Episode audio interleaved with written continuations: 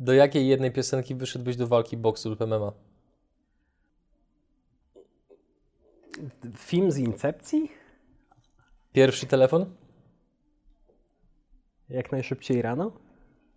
Wybierz jedną cechę, w której kobiety są dużo lepsze od mężczyzn w biznesie. W słuchaniu. Twoja jedna supermoc? Wiara w siebie. Pierwsza praca? Roznoszenie ulotek. Twoja ulubiona marka to? Nie mam ulubionej marki. Gdybyś miał zaczynać od zera w tej chwili, to jaka byłaby Twoja pierwsza decyzja? Idę do roboty. Kto jako pierwszy udzielił Ci wsparcia w biznesie? Rodzice na pewno. Wybierz jedną cechę, w której mężczyźni są dużo lepsi od kobiet w biznesie. Pewność siebie. Jak wspominasz pierwszego pracownika? Bardzo dobrze. Partnerami kanału są 3QQ, inwestycje w dochód pasywny z nieruchomości, Gonito, Twoja droga na Amazon, Paul Rentier, w końcu skuteczne ubezpieczenia oraz pracownia krawiecka Karola Włodarskiego Der Red. Linki do partnerów w opisie materiału.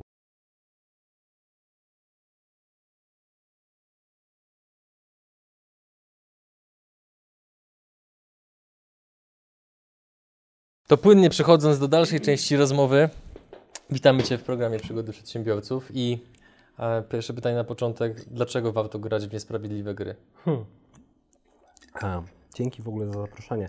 Warto grać w niesprawiedliwe gry ze względu na to, że częściej się wygrywa, a rzadziej przegrywa. Z mojego punktu widzenia gra w szachy nie jest interesująca, bo prawdopodobnie albo ty, albo Bartek y, złuilibyście mnie niewiarygodnie mocno. Nie tylko dlatego, że ja jestem słaby w szachy, ale przede wszystkim dlatego, że ta gra nie daje przewagi obu stronom. Tak jak wszystkie planszówki są skonfigurowane na to, żeby e, gra była sprawiedliwa, żebyś ty raz wygrywał, raz przegrywał i dlatego, żebyśmy grali i cieszyli się tą grą. A ja preferuję takie gry, w których mam niesprawiedliwe przewagi, w których y, drugiej stronie jest ciężko, w której konkurencja narzeka na to, że mi tak świetnie idzie.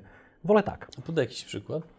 Przykład to jest Kazbek na przykład. To znaczy y, kombinowałem w jaki sposób zrobić firmę doradczą i e, wyszło mi, że ja jestem dość dobrym salesem i dość dobrze znam się na zarządzaniu sprzedażą. Są na pewno lepsi ode mnie aczkolwiek no to, to już było nieźle, ale kombinowałem w jaki sposób jesteśmy w stanie zrobić, żeby ta gra była jeszcze bardziej niesprawiedliwa. Że, no to stwierdziłem, że zrobimy to z Marcinem, który jest moim wspólnikiem i Marcin jest genialnym marketingowcem. Marcin sprzedał jedną z najbardziej rentownych agencji marketingowych w tym kraju. W związku z czym mieliśmy już nie tylko sprzedaż, tylko sprzedaż i marketing. I dzięki temu a ludzie, którzy chcą ewentualnie z nami konkurować, muszą się zmierzyć nie tylko ze mną, albo nie tylko z Marcinem, tylko z nami. To już jest trudniejsze. No i to jeszcze jak bardzo może być to trudniejsze. No to wzięliśmy i zatrudniliśmy bardzo, bardzo silny zespół, który dodatkowo jeszcze rozwinęliśmy, w związku z czym e, dzisiaj to jest 13-osobowa organizacja bardzo kompetentnych ludzi. No jest bardzo trudno z nami konkurować. Oczywiście się da, tylko to jest niesprawiedliwe. W jaki sposób sprawdziłeś, że jesteś dobrym salesem? A to jest akurat bardzo proste do zweryfikowania, po prostu wynikiem sprzedażowym. Tylko i wyłącznie jakby żadnymi jakimiś testami osobowości, czy jakimiś takimi innymi tego typu testami? Jasne, to, to może być dobry prognostyk. Jeżeli na przykład jesteś ekstrawertykiem, to istnieje pewne prawdopodobieństwo, że masz jakieś zadatki na salesa. Nie ma pewności, ale, ale pewne prawdopodobieństwo jest. No ale równie dobrze możesz być świetnym człowiekiem od e, robienia wywiadów, albo możesz być e, fenomenalnym konferencjerem. E, na koniec dnia wszystko jest weryfikowane w sprzedaży wynikiem. Możemy pięknie rozmawiać, fenomenalnie zadawać pytania, być bardzo miłymi i tak dalej, i tak dalej, ale na koniec dnia no wynik. Ile na koniec miesiąca, ile na koniec kwartału. A co według Ciebie w Twoim przypadku powoduje, że jesteś dobrym sprzedawcą? W moim przypadku to, że jestem dobrym sprzedawcą jest chyba determinowane przez to, że mam bardzo mocno klienta w sercu. Co to znaczy? To znaczy, że ja na przykład przeliczyłem sobie, jaką miałem konwersję z pierwszej rozmowy z klientem na transakcję w 2018 i to było 38%. I to jest bardzo wysoka liczba generalnie. I to nie dlatego, że jestem taki genialny, tylko dlatego, że ogromna część leadów była z polecenia. Więc polecenia konwertują statystycznie rzecz biorąc lepiej.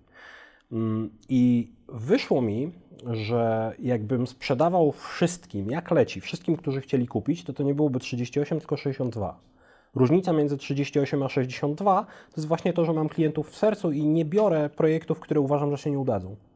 W związku z czym, gdybym sprzedawał po prostu jak leci, bez e, tego klienta w sercu, to nie miałbym dobrej reputacji, miałbym mnóstwo projektów, które zostały skasowane, ale się nie udały. E, no i to z czasem powoduje, że tych poleceń jest sporo, że reputacja jest dobra i że generalnie nie muszę tak bardzo się szarpać o to, żeby wygenerować kolejną sprzedaż. W jaki sposób wyrobiłeś w sobie ten mindset? On był od początku, czy to była jakaś wiesz, droga obserwacji tego, w jaki sposób można mądrzej sprzedawać?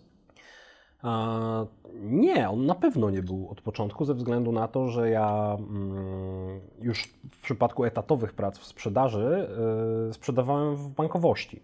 W związku z czym w bankowości jest bardzo trudno mieć klienta w sercu. Y, Dlaczego? Czasem, dlaczego? Dlatego, że trudno, mając ten mindset na temat pieniędzy i finansów, jaki ja mam, jest trudno sobie go pogodzić z tym, że to jest całkowicie ok, żeby zaczynać na przykład wspólną drogę w życie jako małżeństwo z poziomu minus 500 tysięcy złotych kredytu hipotecznego. Eee, I dlatego jest trudno mi w bankowości mieć klienta w sercu. Z całą pewnością jest to w jakiś sposób możliwe, z moim mindsetem pewnie trudne. Więc to chyba przys- przyszło z czasem w momencie, jak zrozumiałem, jak potężną siłą są polecenia, w momencie, jak zrozumiałem, w jaki sposób internet wpływa na dystrybucję reputacji. No to, że ja tutaj siedzę, w dużej mierze wynika z tego, że ja sobie piszę różne rzeczy w internecie i ty trafiłeś na, Tak. e, na te treści i, i tak się tutaj znalazłem, w bardzo dużym uproszczeniu. No i jak, jak zrozumiałem to, to zacząłem robić tego coraz więcej. No i to powiedz mi, dlaczego wciąż tak wielu przedsiębiorców w pewien sposób broni się przed content marketingiem i jakie, jaka analiza i proces myślowy stały u Was za tym, że podjęliście decyzję, żeby to robić w sposób bardzo konsekwentny, bo z tego co widzę, pomimo nawet okresu urlopowego, i tak Wasze treści są wypuszczane w sposób regularny. Tak jak wiele kanałów, mediów, które obserwuję, troszeczkę przycichło przez okres wakacyjny, tak Kazbek pojawia mi się regularnie, co kilka dni nowy wpis. Aż do, był takie, była taka sytuacja, że miałem otwartych 9 waszych artykułów plus kilkadziesiąt innych zakładek, które mi tak kompa zamuliły, że z frustracji musiałem go zamknąć i potem już czytałem jeden po drugim wasz artykuł. A, czyli to ty. Tak, tak, to ja. Mam nabijam na Google Analytics wszystkie wejścia. Sorry. Dziękuję, jakby bardzo to doceniam. A z czego to wynika, że my w to poszliśmy? My poszliśmy w to dlatego, że ja głęboko wierzę w to, że y, to strasznie bardzo dobrze działa.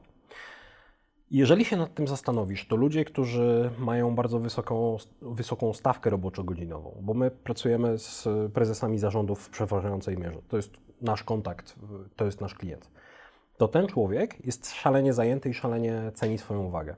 To jest człowiek, który znacznie mniej niż 10-20 lat temu ogląda telewizję, znacznie bardziej czyta książki, znacznie mniej słucha radia, znacznie bardziej słucha Spotify. Prawdopodobnie kupił sobie niektórzy z nich już nawet YouTube'a Red, po to, żeby na YouTubie nie mieć reklam. E, I coraz trudniej jest do osoby, która dba o swoją uwagę i ceni swój czas, dotrzeć tradycyjną reklamą. W związku z czym mindset y, w content marketingu powinien prze, przepoczwarzać się w kierunku robienia mediów z robienia reklam. Bo reklama po prostu do tego gościa, do którego my uderzamy, coraz gorzej trafia. Ale jeżeli robimy medium, które daje mu e, rozrywkę, które daje mu wartość, które go edukuje, to wtedy mamy jego uwagę i możemy mu opowiedzieć coś, co spowoduje, że on będzie chciał z nami pogadać, może zrobimy jakiś biznes.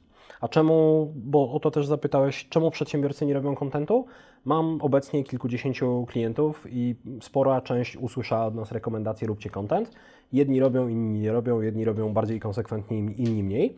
E, I ci, którzy nie robią albo nie są w tym konsekwentni, mają bariery osobowościowe, są introwertyczni, mają poczucie, że nie mają nic do powiedzenia, e, mają poczucie, że to nie jest dla nich i tak dalej. Jakby śmiem twierdzić, że i tak w relacji do tego, co było 5 czy 10 lat temu, to ogromna, ogromna część przedsiębiorców jednak przeprasza się zrobieniem kontentu i mediów. No i kurczę, bardzo dobrze. Macie to zmierzone? Jak content marketing wpływa na wasze wyniki sprzedażowe? Wiesz co, tak i nie, w tym sensie, że E, Nie, nie mamy tego zmierzone w taki sposób, że nie mogę powiedzieć, zobacz Adrian, ten blog post jest moim najlepszym blog postem z punktu widzenia lead generation. Nie mam takiej atrybucji, ale e, widzę wyraźnie, gdy rozmawiamy po raz pierwszy z naszymi potencjalnymi klientami o jakichś współpracach, to jakieś 55% mówi do nas, czytam, śledzę, cenię, dało mi to wartość w ten sposób, jakby się o Was dowiedziałem. Mhm. A powiedz mi, w jaki sposób przekonałeś swojego wspólnika do tego, żebyście coś zrobili razem? A to było akurat bardzo proste. E, Znaliśmy się z Marcinem długo, e, nie wiem ile, 5, 7, 9 lat, coś w tym stylu. E, To nie była bardzo intensywna znajomość, aczkolwiek w pewnym momencie ja dojrzałem do tego, żebyśmy przeprowadzili taką rozmowę. On dojrzał do tego jeszcze wcześniej, bo, bo mnie na tą rozmowę namawiał i w końcu namówił bardzo skutecznie. No i godzinę rozmowy wystarczyło nam do tego, żeby umówić się, dobra, zaczynamy w ten sposób, podzielimy sobie udziały, ty będziesz prezesem, ja będę w zarządzie i tak dalej. Jakie są dobre praktyki tak z Twojego doświadczenia, no bo to też nie jest Twoja pierwsza firma, nie Twoja pierwsza praca, bo z innego wywiadu usłyszałem, że dotychczas ile miałeś prac? 19? 20? 18 jakoś tak. No, no, no właśnie, więc i też obserwując inne spółki, no bo masz dość dobry insight, Tak. jakie są dobre praktyki właśnie w konstruowaniu spółek, żeby wspólnicy się uzupełniali, dogadywali, żeby to zapobiegać czemuś takiemu, co wiesz, w momencie założenia spółki jest wysoki entuzjazm, ok, zróbmy coś razem, a potem no, następują tarcia. Mhm. A, ja zaczynam myślenie o tego typu rzeczach od adresowania, nie, od robienia w taki sposób, żeby nie, wyglądało, żebym był jak najmądrzejszy, tylko żeby próbować być jak najmniej głupim. E, I to jest bardzo użyteczny framework do robienia mniejszej ilości błędów. No to jaki jest naj, największy błąd, który można zrobić? No można e, zrobić na przykład taki błąd, że zakładamy spółkę z osobą, którą poznaliśmy 3 dni temu. To jest tragicznie zły pomysł. Oczywiście może się okazać, że to jest w ogóle świetny pomysł i tak jak poznaliśmy e, piękną kobietę w Vegas i po trzech dniach jesteśmy małżeństwem i po 40 latach nadal jesteśmy razem, może się tak zdarzyć. Ale prawdopodobieństwo nie jest wtedy po naszej stronie, więc to jest pierwszy błąd i tego nie należy robić. Należy się długo znać, wyznawać podobne wartości, um, uzupełniać się kompetencyjnie. Tak, mówiłem o tym, że e, mój wspólnik jest fenomenalnym marketingowcem, chociaż fenomenalnym, fenomenalnymi bardzo innoma, wieloma innymi cechami także. E, Ja jestem bardziej handlowy i bardziej zarządczy, e, ale to jest tak, że my bardzo dobrze się uzupełniamy na poziomie kompetencyjnym, ale na poziomie spójności wartości i frameworków podejmowania decyzji to jest często tak, że na przykład przychodzi współpracownik i pyta się mnie o coś i ja mówię coś tam, coś tam, ale idź jeszcze do Marcina, potwierdź, może on powie coś innego. I Marcin chyba dwa razy w ciągu 18 miesięcy powiedział coś innego. W związku z czym my mamy bardzo podobne procesy myślowe, co powoduje, że my się nie spieramy praktycznie w ogóle. A, więc co? E, Doświadczenie, uzupełnienie kompetencji, e, długa znajomość, wspólne wartości. Od tego bym zaczął. Jakie największe błędy w sprzedaży popełniają polscy przedsiębiorcy? Sprzedają za mało, to na pewno.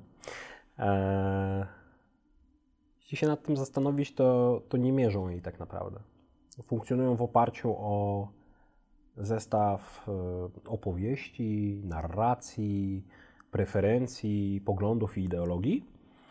I to powoduje, że nigdy nie ma takiego punktu, w którym jest kontakt z rzeczywistością.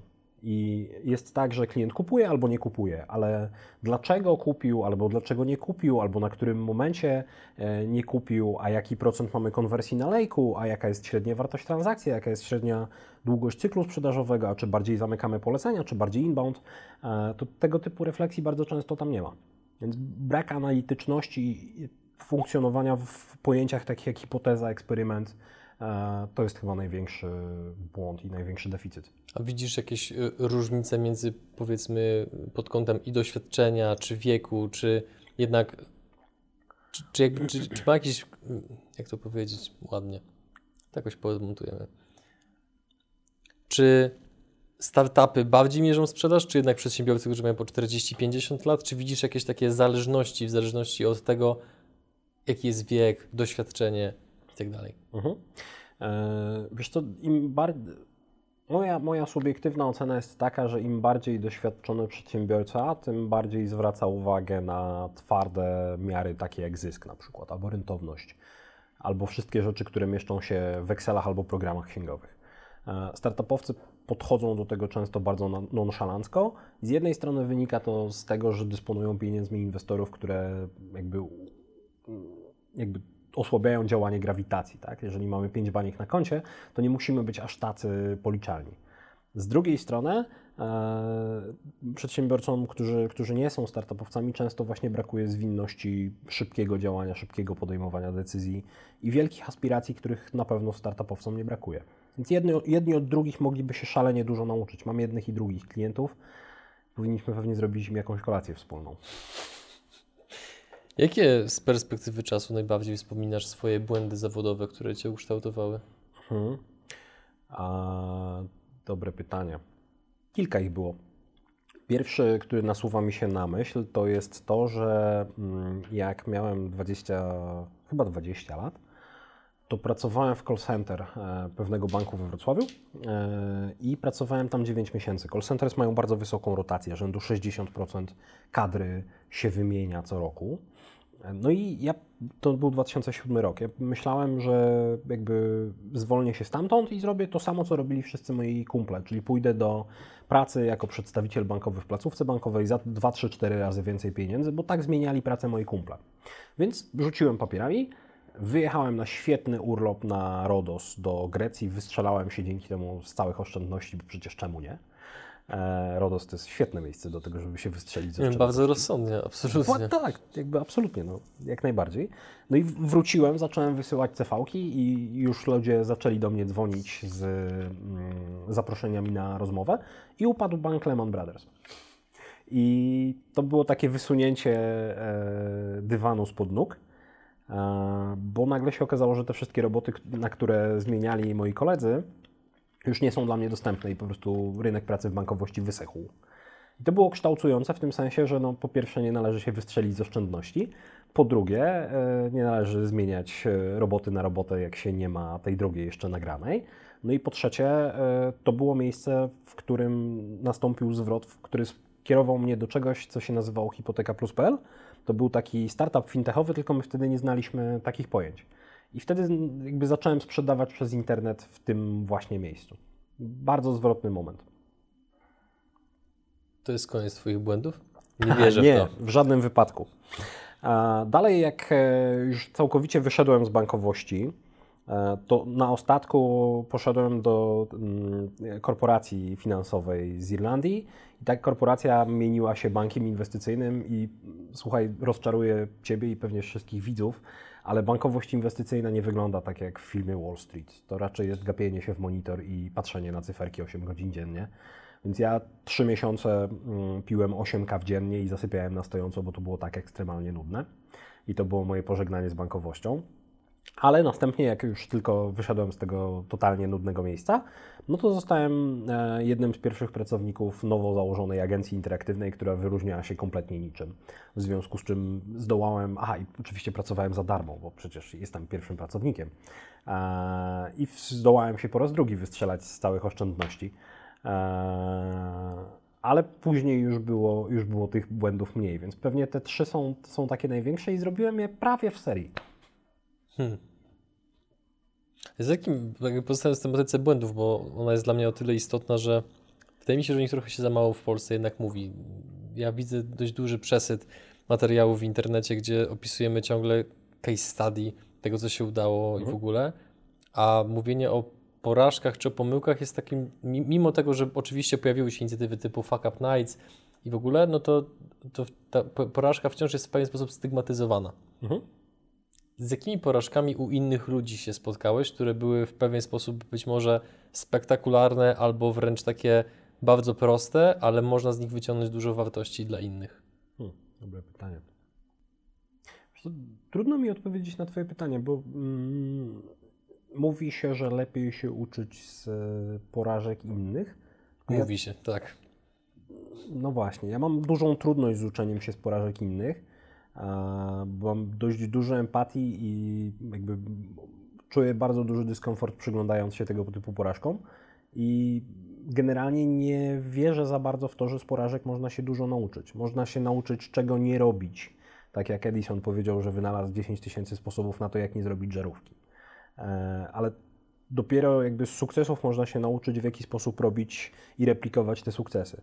Jeżeli zobaczysz na przykład na historię najlepszych ludzi w branży startupowej, nie wiem, Petera Tilla, Elona Muska, czy całej PayPal mafii, to to są goście, którzy w PayPalu zebrali się razem, nauczyli się robić e, startupy i następnie po prostu robili w kółko startupy za pomocą tego modelu, który oczywiście ewoluował i oni się wszyscy strasznie dużo nauczyli, aczkolwiek dlatego byli nazwani PayPal mafią i tam wyszło chyba z dziewięć unicornów z PayPala w końcu, e, że po prostu nauczyli się sukcesu tego, jak to się robi. Nie z porażki, bo PayPal padł i nauczył ich, jak nie robić biznesu. Także nie mam jakichś cudzych porażek, Mhm. które mógłbym pokazać palcem i powiedzieć, kurczę, dużo się z tego nauczyłem. A jeżeli na przykład doradzasz klientom, doradzacie klientom, to czy również jakby starasz się im przekazać tą filozofię, dlaczego grać, warto grać w niesprawiedliwe gry i w jaki sposób budować te niesprawiedliwe przewagi? Próbuję. Eee, tylko to jest jedna z najtrudniejszych elementów mojej pracy. Jakby Dlaczego? Ze względu na to, że grę wybierasz na początku. I jest bardzo trudno zmienić zasady w trakcie gry. Eee, Skąd wiesz, że wybrałeś właściwą grę? Nie wiem. Jakby na razie jakby słupki idą w prawo i do góry, w związku z czym dostaję jakieś sprzężenie zwrotne od rzeczywistości, że Mhm. coś idzie dobrze, e, ale jakby zdajesz się na intuicję i kombinujesz. I w tym sensie jest trudno powiedzieć e, do założyciela agencji interaktywnej numer 594, e, która nie różni się niczym od e, agencji 593 i wszystkich poprzednich. E, Słuchaj, stary, teraz musisz wymyślić jakiś taki sposób, żebyś się totalnie odróżnił od rynku i zaorał całą swoją konkurencję. To jest bardzo trudne. Zdarzyło się może wymyślić nam parę razy tego typu patenty, ale to z całą pewnością nie jest norma. Dlatego to jest najtrudniejsze w naszej robocie. To lepiej być pierwszym czy lepszym? Lepszym. Ja z całą pewnością nie jestem pierwszą firmą doradczą. Podejrzewam, że nie jestem nawet tysięczną. Okej. A w jakie postawiliście sobie hipotezy na samym początku, jak zakładaliście Kazbega? No bo, zakład- bo z tego, co mówisz, no to zakładam, że w waszym biznesie jest bardzo dużo takiej chłodnej logiki i kalkulacji. Więc zakładając Kazbega, nie mogliście od razu założyć, że model, który sobie wymyśliliście i który w pewien sposób posiada te niesprawiedliwe przewagi względem rynku, na pewno się uda i na pewno wypali. Więc Mhm. jakie hipotezy były postawione? A, kilka. Dobre pytanie. E, hipoteza pierwsza. MŚP jest niezadbane od strony sprzedaży i marketingu. I to jest bardzo kontrarna hipoteza, ze względu na to, że teoretycznie mają mnóstwo CRM-ów, mnóstwo narzędzi e-mail marketingowych, pełno eventów, no wszystkiego pełno. Ale z naszego doświadczenia wynika, że ogromna część tego typu rozwiązań działa punktowo. E, I nie jest tak, i tu wchodzimy płynnie w hipotezę drugą, że da się, to rozwi- da się problem, nie sprzedaje mi się, rozwiązać za pomocą punktowych rozwiązań. Nie sprzedaje mi się to jest rezultat y, 76 rzeczy, które idą nie tak i 64 niedokręconych śrubek. Trzeba zmienić 76 rzeczy, dokręcić 64 śrubki i wtedy w prawo i do góry. Hipoteza trzecia, co dwie głowy to nie jedna. E, ogromna ilość y, doradców i konsultantów na rynku MŚP pracuje y, sama w sobie. Jest Solo. genialny. Tak, też. E, Jest genialny konsultant do sprzedaży, jest genialny konsultant do marketingu, jest genialny konsultant do SEO. Ale nie ma firmy, albo jest ich niewiele, które łączą te wiele kompetencji naraz. Więc wyszliśmy od takiego bardzo zdroworozsądkowego, co dwie głowy to nie jedna. I dlatego my pracujemy na przykład wieloosobowo z klientami. Co jeszcze? Mm, Doszliśmy do wniosku, że ogromna część bardzo profesjonalnych e, firm konsultingowych, ala Wielka Czwórka, mm, w ogóle nie pracuje z MŚP. W ogóle. E, I tak samo jest z agencjami, które mienią się 360. Jeżeli masz agencję, która e, oferuje przekrojowo wszystkie usługi 360, która na przykład robi 60 milionów złotych przychodu e, rocznie, to ta agencja prawdopodobnie ogniskuje się na klientów, którzy są w stanie zostawić 100, 200, 300, 500 milion złotych w skali roku, a jeżeli masz 50 tysięcy złotych, to raczej nie. W związku z czym jesteś skazany na punktowe rozwiązania agencje SEO, agencje social media. W związku z czym wyszliśmy z założenia, że MŚP w B2B jest bardzo niezadbane od strony rozwiązań, które są holistyczne. Jakaś hipoteza się nie powiodła? W jakiejś hipotezie, się pomyliliście? Tak. E, pomyliliśmy się co do tego, że jesteśmy tak mądrzy, że będziemy w stanie wyszkolić ludzi, e, którzy nie mają bardzo dużej ilości doświadczeń. Nie doszacowaliśmy ilości lat doświadczeń u em, części pracowników. E, okazało się po prostu, że poprzeczka jest wyższa. W jaki sposób sobie z tym poradziliście? E, dokonując zmian w teamie, po prostu e, zatrudniając więcej doświadczonych ludzi i niestety żegnając się z niektórymi ludźmi w teamie. To w jaki sposób zwalnia się ludzi? Ekstremalnie ciężko. Ekstremalnie ciężko. Jakby to jest rzecz, z którą ja emocjonalnie bardzo źle sobie radzę i za każdym razem bardzo mocno to przeżywam. I zresztą to chyba jest wspólne doświadczenie większości ludzi, którzy zwalniają. Zresztą, kurczę, wi- większość y, fuck-upów od strony zwalniania ludzi i tak jest winą menedżerów. E, To my zatrudniliśmy człowieka, którego teraz trzeba zwolnić. To jest nasza wina. E, Prawdopodobnie trzeba było go w ogóle nie zatrudniać. Nie? Więc jakby jak zwalniać? No w, niestety wprost. Jakby, słuchaj, nie ma, nie ma dobrego sposobu na to, jak to powiedzieć, więc po prostu to powiem. Żegnamy się. Jak ludzie to przyjmowali? E, zaskakująco dobrze. Zaskakująco dobrze. E, ja zawsze próbowałem ludziom dookoła mnie poprzez inicjatywę, którą żartobliwie nazwałem My Bartosz Majewski, agencja headhunterska, ułatwiać lądowania e, w fajnych firmach. I znajomym, i zwalnianym pracownikom, i potencjalnym klientom. Po prostu ilekroć ktoś mnie ze znajomych pyta, Bartek, może znasz jakieś miejsce, gdzie mógłbym dobrze wylądować, to, to staram się pomóc. Jakie śrubki najczęściej są niedokręcone w innych firmach? Bo y, jak o, słuchałem jednego wywiadu Twojego, to powiedziałeś, że jeżeli coś źle zrozumiałem, to mi wytłumacz, dobra? Jasne. E, Ale zrozumiałem to w ten sposób, że nie ma za bardzo znaczenia, jaki się sprzedaje produkt bądź usługę, że oczywiście są pewne niuanse między branżami, ale jednak jest spora grupa elementów wspólnych, jeżeli Tak. chodzi o sprzedaż. Więc co to są za elementy? Mm, Bardziej chodziło w tej wypowiedzi, bo jakby elementy wspólne są kluczowe, przy czym znacznie bardziej niż to, czy sprzedajesz samolot czy kamizelkę, jest istotne, po ile jest to, co sprzedajesz. Rzeczy po 100 tysięcy sprzedaje się tak jak inne rzeczy po 100 tysięcy. Rzeczy po 10 sprzedaje się jak po 10 i tak dalej. I Czyli war, jakby wartość samego dobra jest jakby kluczowym elementem, tak? Okej. Dokładnie. E, I z tego punktu widzenia rzeczy, które non-stop są nie ok w firmach, które my oglądamy, to jest po pierwsze analityka w sprzedaży, źle wdrożone CRM, źle zaprojektowane systemy sprzedażowe, brak zdolności do wyciągania wniosków. Mój ulubiony przykład. E, Mamy handlowca, który obiektywnie jest najlepszy w zakresie liczby pod tytułem realizacja celu systematycznie przynosi, na przykład masz team 8 handlowców i ten handlowiec przynosi 30% wyniku całego teamu. Zwykle ten handlowiec jest najdłużej w firmie. Teraz pytanie, czy ten handlowiec jest najdłużej w firmie, czy tylko ma najwięcej poleceń? Czy jest najlepszy? Czy może po prostu jest tak długo w firmie, że ma tyle poleceń, że tak naprawdę zamyka tylko i wyłącznie te polecenia? I brak aparatu analitycznego powoduje, że firmy nie są zdolne do odpowiadania na takie pytania. I to jest horror ze względu na to, że jest wtedy brak refleksji nad tym, co powoduje, że ktoś ma rezultaty, a ktoś ich nie ma. I dzięki temu cały system szkolenia handlowców w tej firmie leży, bo nie zidentyfikowaliśmy, co jest dobre, a co jest złe. Więc to jest taki najczęstszy fuck up. Inna rzecz, brak współpracy z marketingiem. Marketing sobie, sprzedaż sobie. Marketing na przykład odpala sobie jakieś reklamy, ale nikt w tym kwartale nie połasił się na to, żeby na przykład pojechać do klienta z marketingowców i posłuchać, o co on pyta i jak argumentują handlowcy. A jednocześnie handlowcy na przykład nie zadali sobie trudu do tego, żeby dać jakiś feedback wykraczający poza to, że lidów jest za mało i lidy są słabe. To zwykle, zwykle te są powtarzające się w zdecydowanej większości przypadków. Jak często się zdarza, że produkt bądź usługa, którą dana firma oferuje, jest po prostu słaby?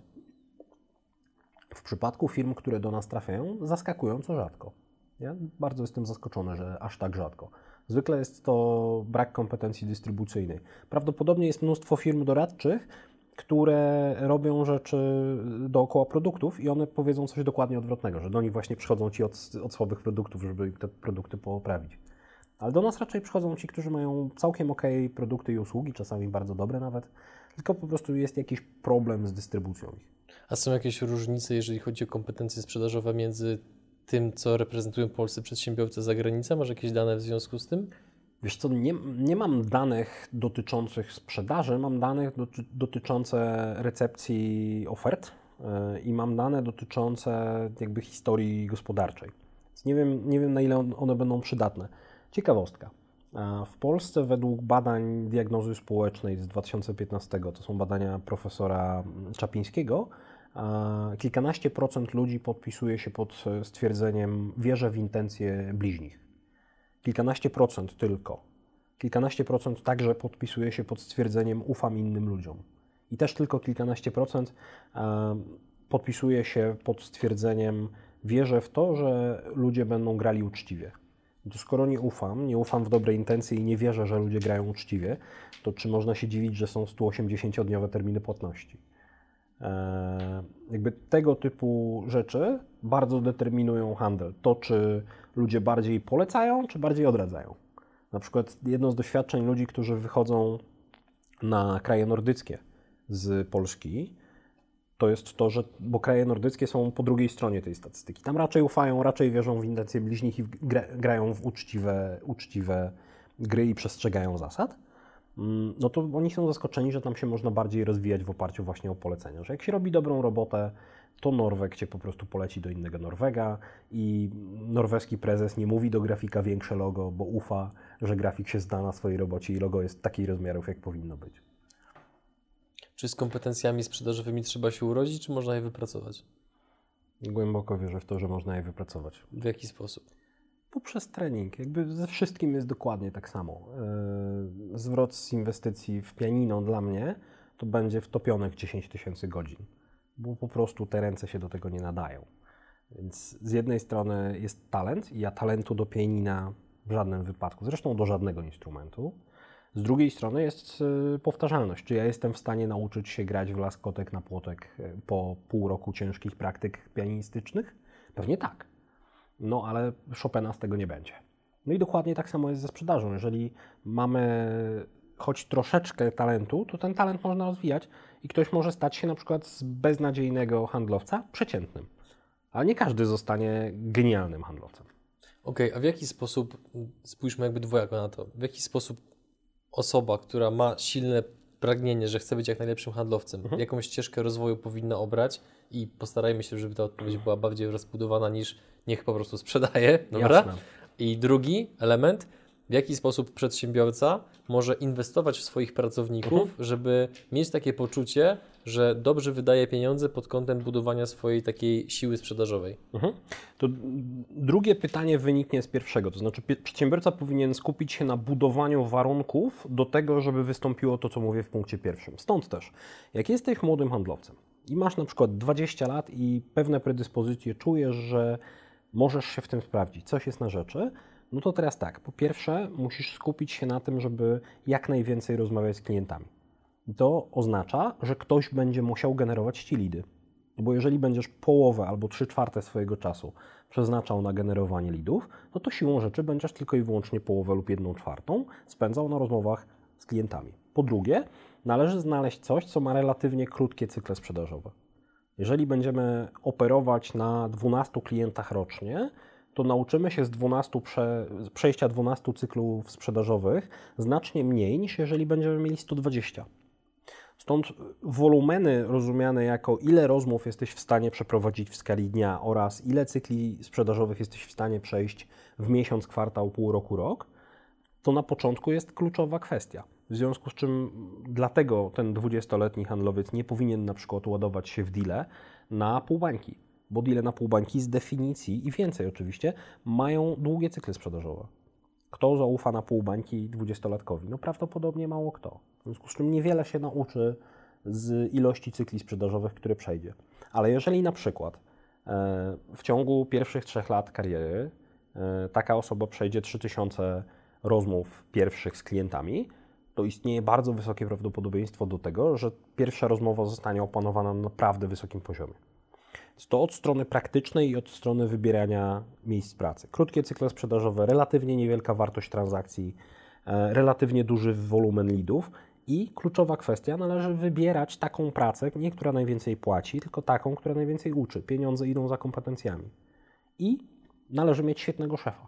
To jest akurat bardzo trudne, żeby zidentyfikować, to jest świetny szef, jak się ma 20 lat, no to skąd człowiek ma wiedzieć, ale jakby dobrze jest na przykład wchodzić do organizacji sprzedażowych, które słyną z tego, że szkolą fenomenalnych handlowców. Na przykład poprzez to, że mamy tam już kogoś znajomego, który nas poleci, więc łatwiej nam wejść w taką organizację. No i rolą przedsiębiorcy, jeżeli chcemy mieć taki Salesforce, który fenomenalnie się rozwija, ma stromą krzywą uczenia się i tak dalej, jest właśnie stworzyć takie warunki. Stworzyć warunki ludziom i oczywiście jakby pieniądze też są ważne i systemy motywacyjne i, i benefity, i żeby owoce były co piątek. I tak, jasne, to też. Ale za wielu przedsiębiorców moim zdaniem myśli prostymi kategoriami, że handlowców kupuje się za podstawę i prowizję. Jasne, kupuje się za podstawę i prowizję, no ale to są dwa i nie wyłącznie dwa, nie jedyne dwa e, składniki tego równania. To jakie są najważniejsze elementy, żeby pozyskiwać najlepszych ludzi, jeżeli chodzi o handlowców? Pieniądze, reputacja. Firmy, tak? Też. Czy szefa. Firmy, szefa, Mhm. e, produktu. Mhm. E, jeżeli jesteś handlowcem i masz dokładnie te same pieniądze tu i dokładnie tu, te same tu, no to jeżeli tutaj jest dużo, dużo lepszy produkt, no to pewnie, że tam pójdziesz. To jest jasne. W związku z czym repu- należy słynąć jako firma z tego, że przychodzą ludzie, którzy są bardzo ogarnięci i dostają więcej pieniędzy, więcej odpowiedzialności, więcej władzy, mają bardziej stromą trajektorię rozwoju zawodowego. E, to, I to jesteśmy w stanie zacząć budować bardzo wcześnie w karierze. Można pracować bardzo w młodym wieku jako, y, jako ktoś, kto ma reputację człowieka, który zawsze pomaga innym w pracy. Można mieć reputację człowieka jako ktoś, kto zawsze dzieli się wiedzą, który pożycza książki. Takie rzeczy. Mhm. A jakie rzeczy, tak z Twojego doświadczenia, szefowie robią często nieświadomie, co jednocześnie obniża ich reputację w oczach potencjalnych pracowników bądź handlowców? Nie wiem, jakie rzeczy szefowie robią nieświadomie. Mam, mam wrażenie, że to jest przede wszystkim kwestia braku, braku refleksji w długim terminie.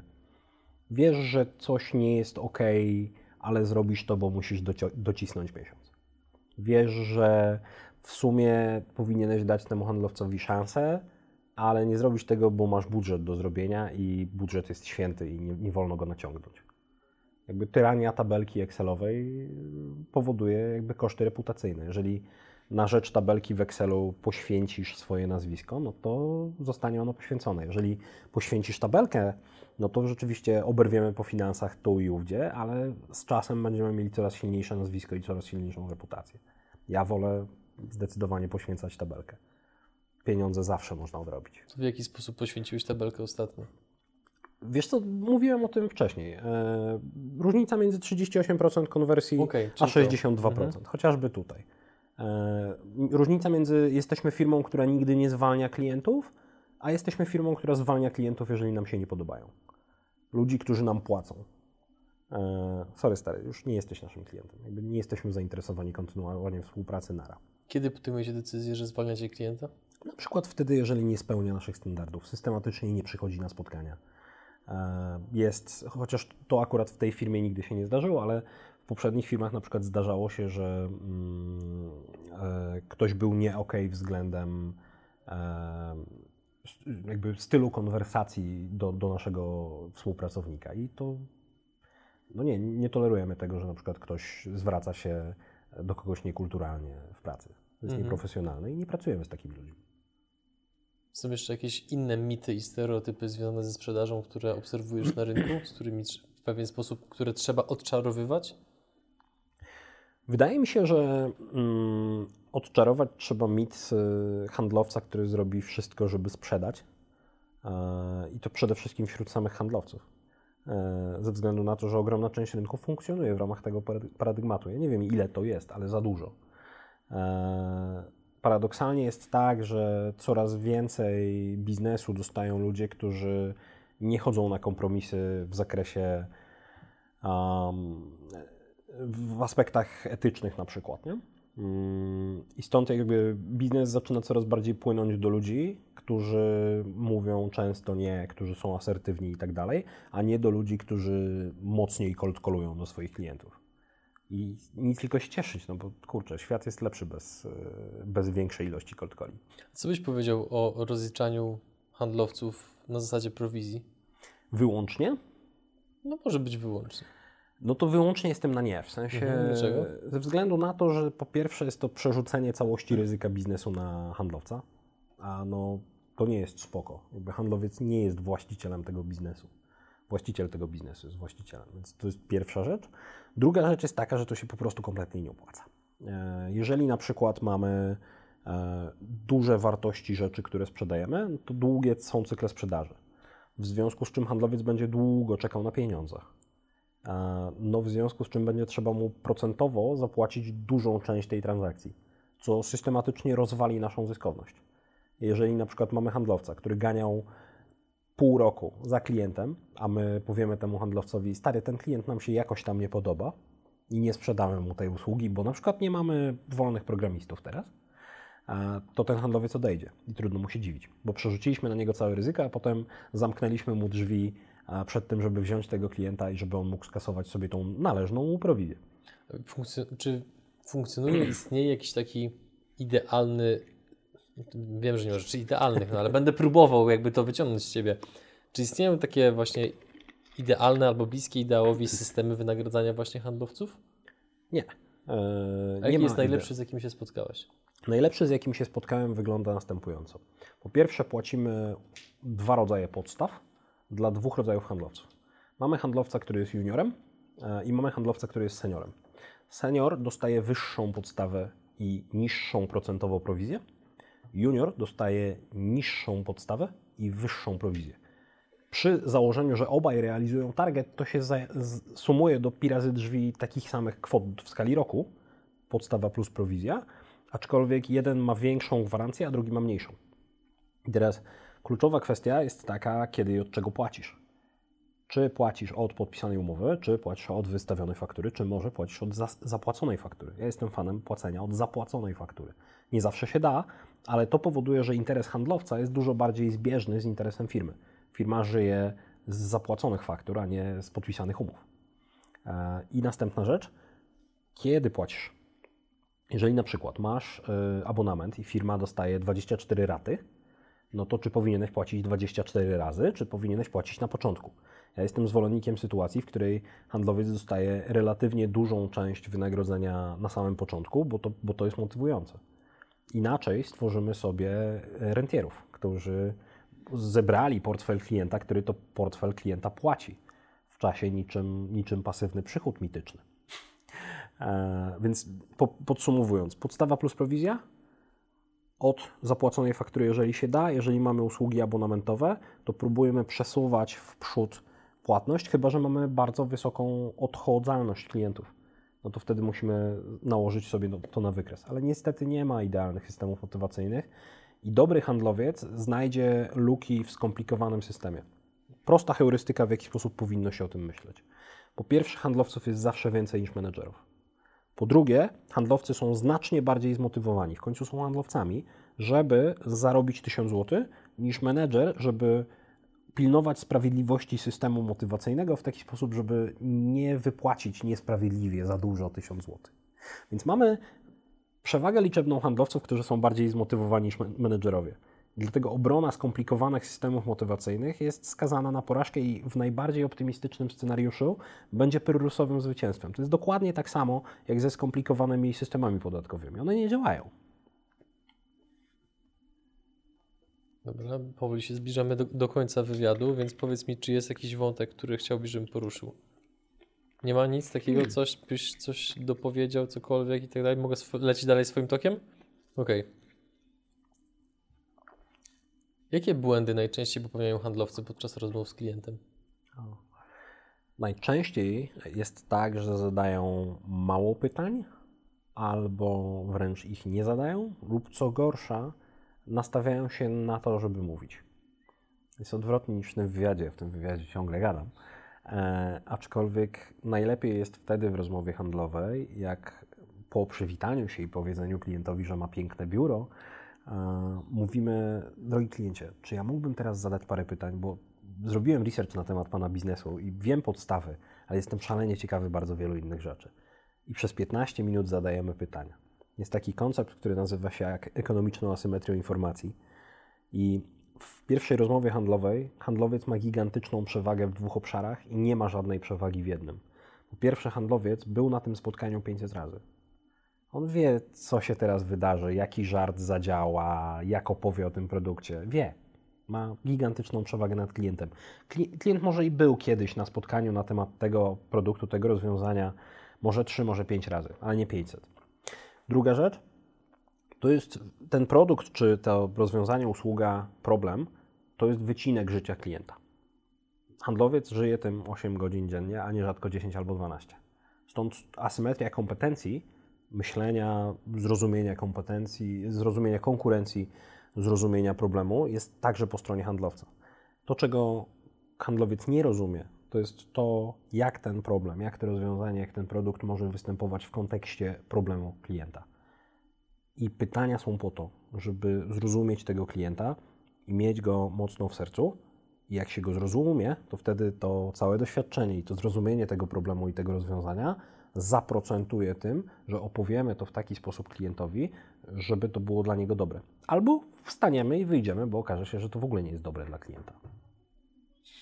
Bartku, doskonała rozmowa. Dziękuję Ci za odwiedziny i zbliżając się do końca wywiadu, a raczej no już go niestety kończąc, pytanie konkursowe, w którym można wygrać książkę z Twoją dedykacją, prawda? Tak. To jakie będzie to pytanie? A pytanie będzie następujące. Moi drodzy, e, przygotowaliśmy dla Was książkę, która e, zostanie rozlosowana wśród ludzi, którzy na, w komentarzu na YouTubie opowiedzą swoją najlepszą, prawdziwą, podkreślam, historię sprzedażową. Zadziwcie nas. Jeszcze raz dziękuję za rozmowę i Dziękuję bardzo. do zobaczenia, myślę, jeszcze nie raz. Pewnie tak. Do zobaczenia.